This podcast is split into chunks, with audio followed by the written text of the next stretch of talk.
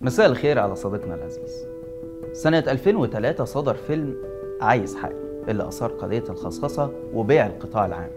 من خلال حكاية مواطن بسيط اسمه صابر. مطالبه في الحياة بتتلخص في إنه عايز يعيش حياة كريمة. وفي الوقت اللي بيواجه فيه صعوبات الحياة بيكتشف بالصدفة إنه من ملاك المال العام. وإنه زي ما الحكومة بتبيع المال العام هو كمان من حقه كمواطن إنه ياخد نصيب فبيبدأ ياخد توكيلات من المصريين لبيع البلد. وفي يوم المزاد بيلاقي دول كتير عايزة تشتري بس بيفاجأ بمجموعة مستثمرين من جنسيات مختلفة. ولما بيتسألوا لو المزاد صفي عليكم هنرفع علم مين؟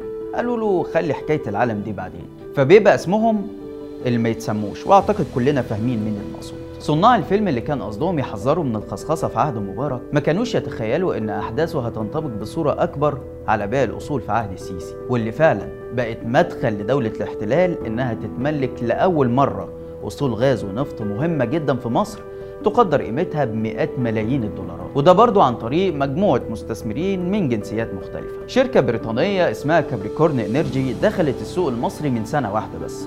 بصفقة بلغت حوالي مليار دولار.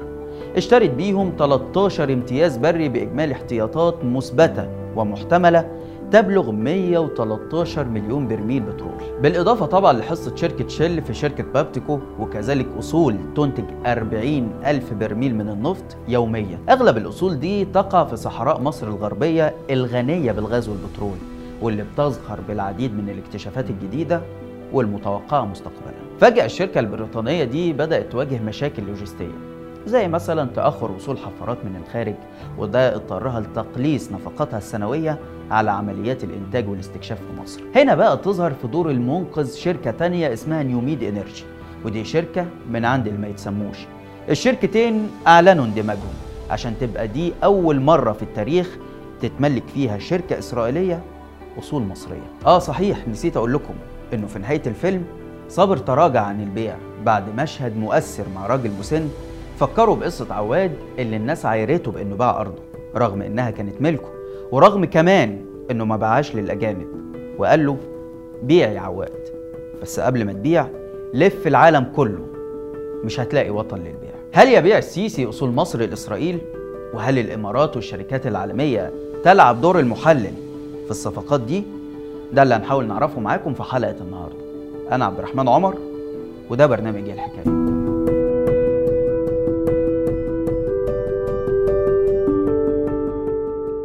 لا إحنا جبنا جون. إحنا جبنا جون يا مصريين في الموضوع دوت. مش كده ولا إيه؟ أهلا بيكم. في شهر أبريل سنة 2015 نشرت صحيفة المصري اليوم مقابلة مع رجل الأعمال الهارب وقتها حسين سالم. وده قبل سنة واحدة بس من تصالح الحكومة معاه وإسقاط كافة الأحكام. الصادرة ضده مقابل رد 5.3 مليار دولار.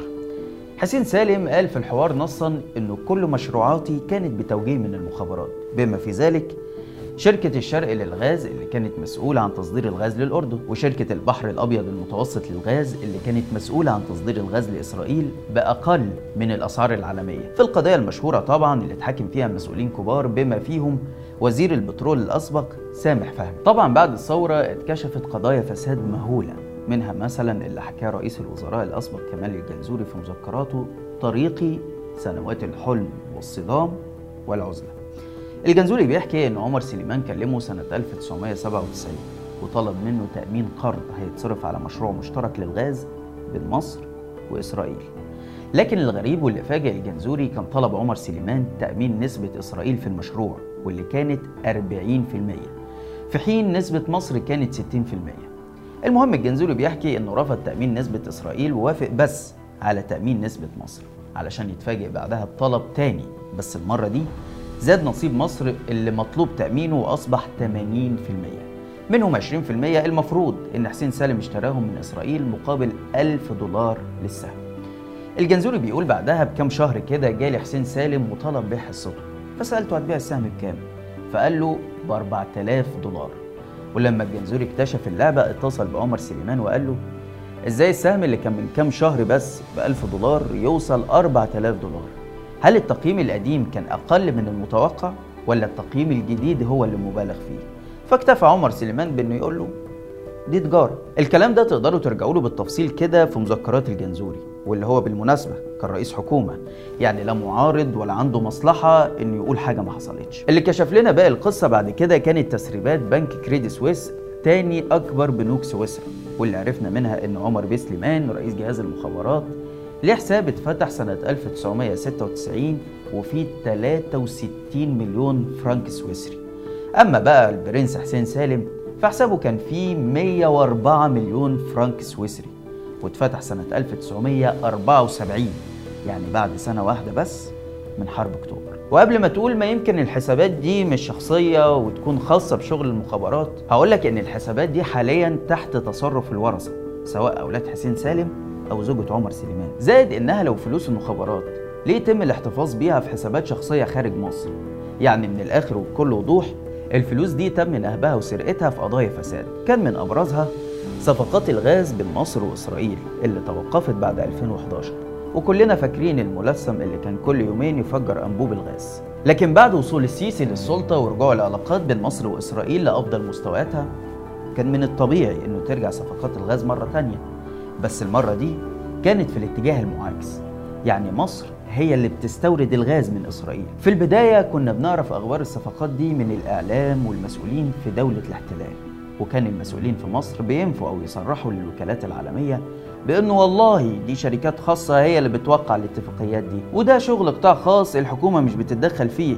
وطبعا مش محتاج أقول لكم إن الشركات دي ما هي إلا واجهة لجهاز المخابرات. مثلا في فبراير 2018 طلع نتنياهو يبشر الإسرائيليين بأنه عمل صفقة تصدير غاز لمصر بقيمة 15 مليار دولار وقال لهم إنه الفلوس دي هتتصرف على تعليم وصحة ورفاهية المواطن الإسرائيلي وإنه بيعتبر اليوم ده عيد.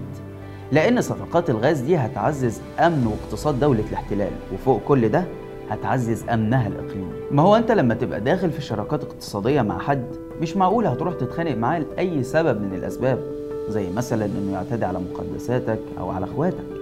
ده أنت يمكن حتى لو حد تاني راح اتخانق معاه هتلاقيك عايز تهدي الأمور وتهندلها عشان البيزنس بتاعك ما يتهددش.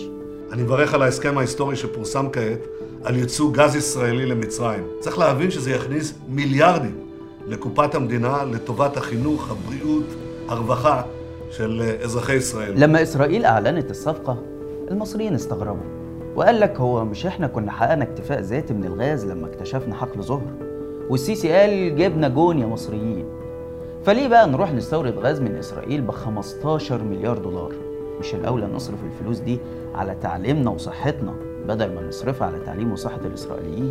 الحكومة في مصر فضلت تماطل شوية كده وقال لك ده اللي عمل الصفقة دي شركة خاصة اسمها Dolphinus مملوكة لرجل الأعمال علاء عرفة طب يا ترى الأستاذ علاء هيعمل إيه بالغاز ده كله؟ قال لك هيديه لشركة تانية اسمها غاز الشرق ودي شركة مملوكة لجهاز المخابرات وبيديرها محمد شعيب الرئيس الأسبق للشركة القابضة للغازات الطبيعية. بس مش هيديها بشكل مباشر. امال هيعمل إيه؟ شركة Dolphinus وشركة غاز الشرق أسسوا مجموعة شركات وهمية مسجلين كلهم في أماكن زي جزر العذراء ولوكسمبورغ وسويسرا وهولندا. والهدف من ده هو صعوبة تتبعهم بالإضافة طبعا للهروب من الضرائب لأن الدول دي بتعتبر ملاذات ضريبية وأغلبها إن لم يكن كلها موقعين مع إسرائيل اتفاقية منع الازدواج الضريبي يعني من الآخر كده الأستاذ علاء اللي والده كان لواء طيار عسكري مقرب من حسني مبارك هيلعب نفس الدور اللي لعبه حسين سالم في إنه يكون واجهة لبزنس الغاز بين مصر وإسرائيل.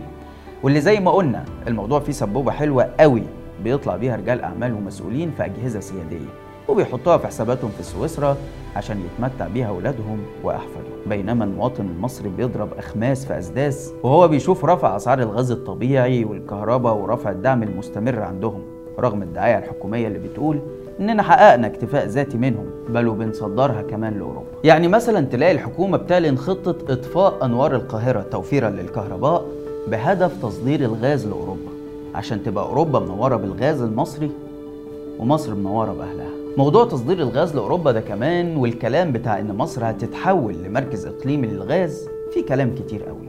ملخصه هو إن دولة الاحتلال اللي مستولية على حقول غاز تابعة لفلسطين ولبنان عندها فائض كبير من الغاز بس مش عارفة توصله لأوروبا خاصة في ظل الخناقة بتاع غاز شرق المتوسط اللي داخل فيها دول كتير أهمها اليونان وتركيا واللي طبعا مصر واخدة فيها طرف اليونان. وفي الوقت اللي الخبراء والمتخصصين بينصحوا بإنه ده تصرف خاطئ وبيضيع على مصر حقوقها في غاز شرق المتوسط بتلاقي إسرائيل واليونان وقبرص بيحاولوا يعملوا مشروع مستقل يستبعدوا من خلاله مصر اللي هو استمد واللي فاشلين في تنفيذه حتى الآن لأسباب كتير جدا منها مثلا الأزمة مع تركيا اللي بتقول إن الخط ده هيعدي في مياهها الإقليمية ومنها كمان سحب أمريكا دعمها. المهم بقى إن إسرائيل عشان تحل المشكلة دي بتلجأ لسيسي في إنه ياخد الغاز الإسرائيلي يعمل له أسالة في محطات دمياط وإيدكو وبعدين يعيد تصديره لأوروبا. ويقول لك كده أنا بقيت مركز إقليمي للغاز ويطلع بقى يفتخر بتوقيع اتفاقيات ثلاثية مع إسرائيل والاتحاد الأوروبي بعد ما كان بيتكسف ويقول دي شركات قطاع خاص وشغل رجال أعمال. طبعا مفيش شك إن مصر طالعة بمصلحة حلوة في الصفقة دي. بس يعني بعيدا عن المبادئ الأخلاقية اللي المفروض نلتزمها في التعامل مع دولة احتلال لسه لغاية دلوقتي ما نسيناش اللي عملته. مش هقول لك في إخواتنا في فلسطين لأ. عملته فينا إحنا كمصريين. وإحنا لسه بنحيي الأيام دي ذكرى حرب أكتوبر وقبلها ذكرى النكسة وحروب الاستنزاف. اللي دماء شهدائنا سالت فيهم في مواجهة نفس العدو ده. بعيدا يا سيدي بقى عن الكلام ده عشان البعض ممكن يعتبره مجرد شعارات مع إنه مش كده طبعا. بس أنت إزاي مش بتشوف خطر في تعميق التعاون الاقتصادي مع إسرائيل واللي في الحقيقة بيخدم مصالح إسرائيل أكتر بكتير من السبوبة اللي بتطلع لك؟ واللي المستفيد الوحيد منها أصلا زي ما شفنا قبل كده هم شوية اللواءات اللي شغالين في الأجهزة السيادية. بينما الشعب ولا مستفيد أي حاجة من كل الصفقات دي. الصفقة الأخيرة واللي تمثلت في دخول شركة إسرائيلية في السوق المصري عشان تتملك لأول مرة أصول في مجال حساس واستراتيجي زي الطاقة في مخاوف كبيرة إنها تكون مقدمة لعمليات استحواذ تانية. المرة دي الصفقة حصلت عن طريق شركة بريطانية. يمكن المرة الجاية تكون عن طريق شركة إماراتية مثلا. خاصة إننا عارفين إن العلاقات بين الإمارات وإسرائيل بتتطور بسرعة رهيبة. والعلاقات بينهم تقريبا كده وصلت لدرجة التحالف. وفي نفس الوقت فالإمارات حليف السيسي ومنقذه الاقتصادي هيمنت بالفعل على مجالات عديدة في السوق المصري ومستمرة في الاستحواذ على شركات ومصانع كبيرة في ظل اتجاه السيسي لبيع أصول البلد عشان يسدد فوايد وأقساط الديون اللي ورطنا فيها. بس كده لحد هنا وحلقتنا خلصت. ما تنساش إنك تقدر تسمع البرنامج بتاعنا بودكاست من الروابط اللي هتلاقيها في التعليقات. واعمل لنا like و share واشترك في القناة على اليوتيوب وكمان اعمل لي follow على الإنستجرام. واستنانا كل جمعة الساعة 8 بالليل بتوقيت القاهرة في حلقة جديدة من برنامج إيه الحكاية. سلام.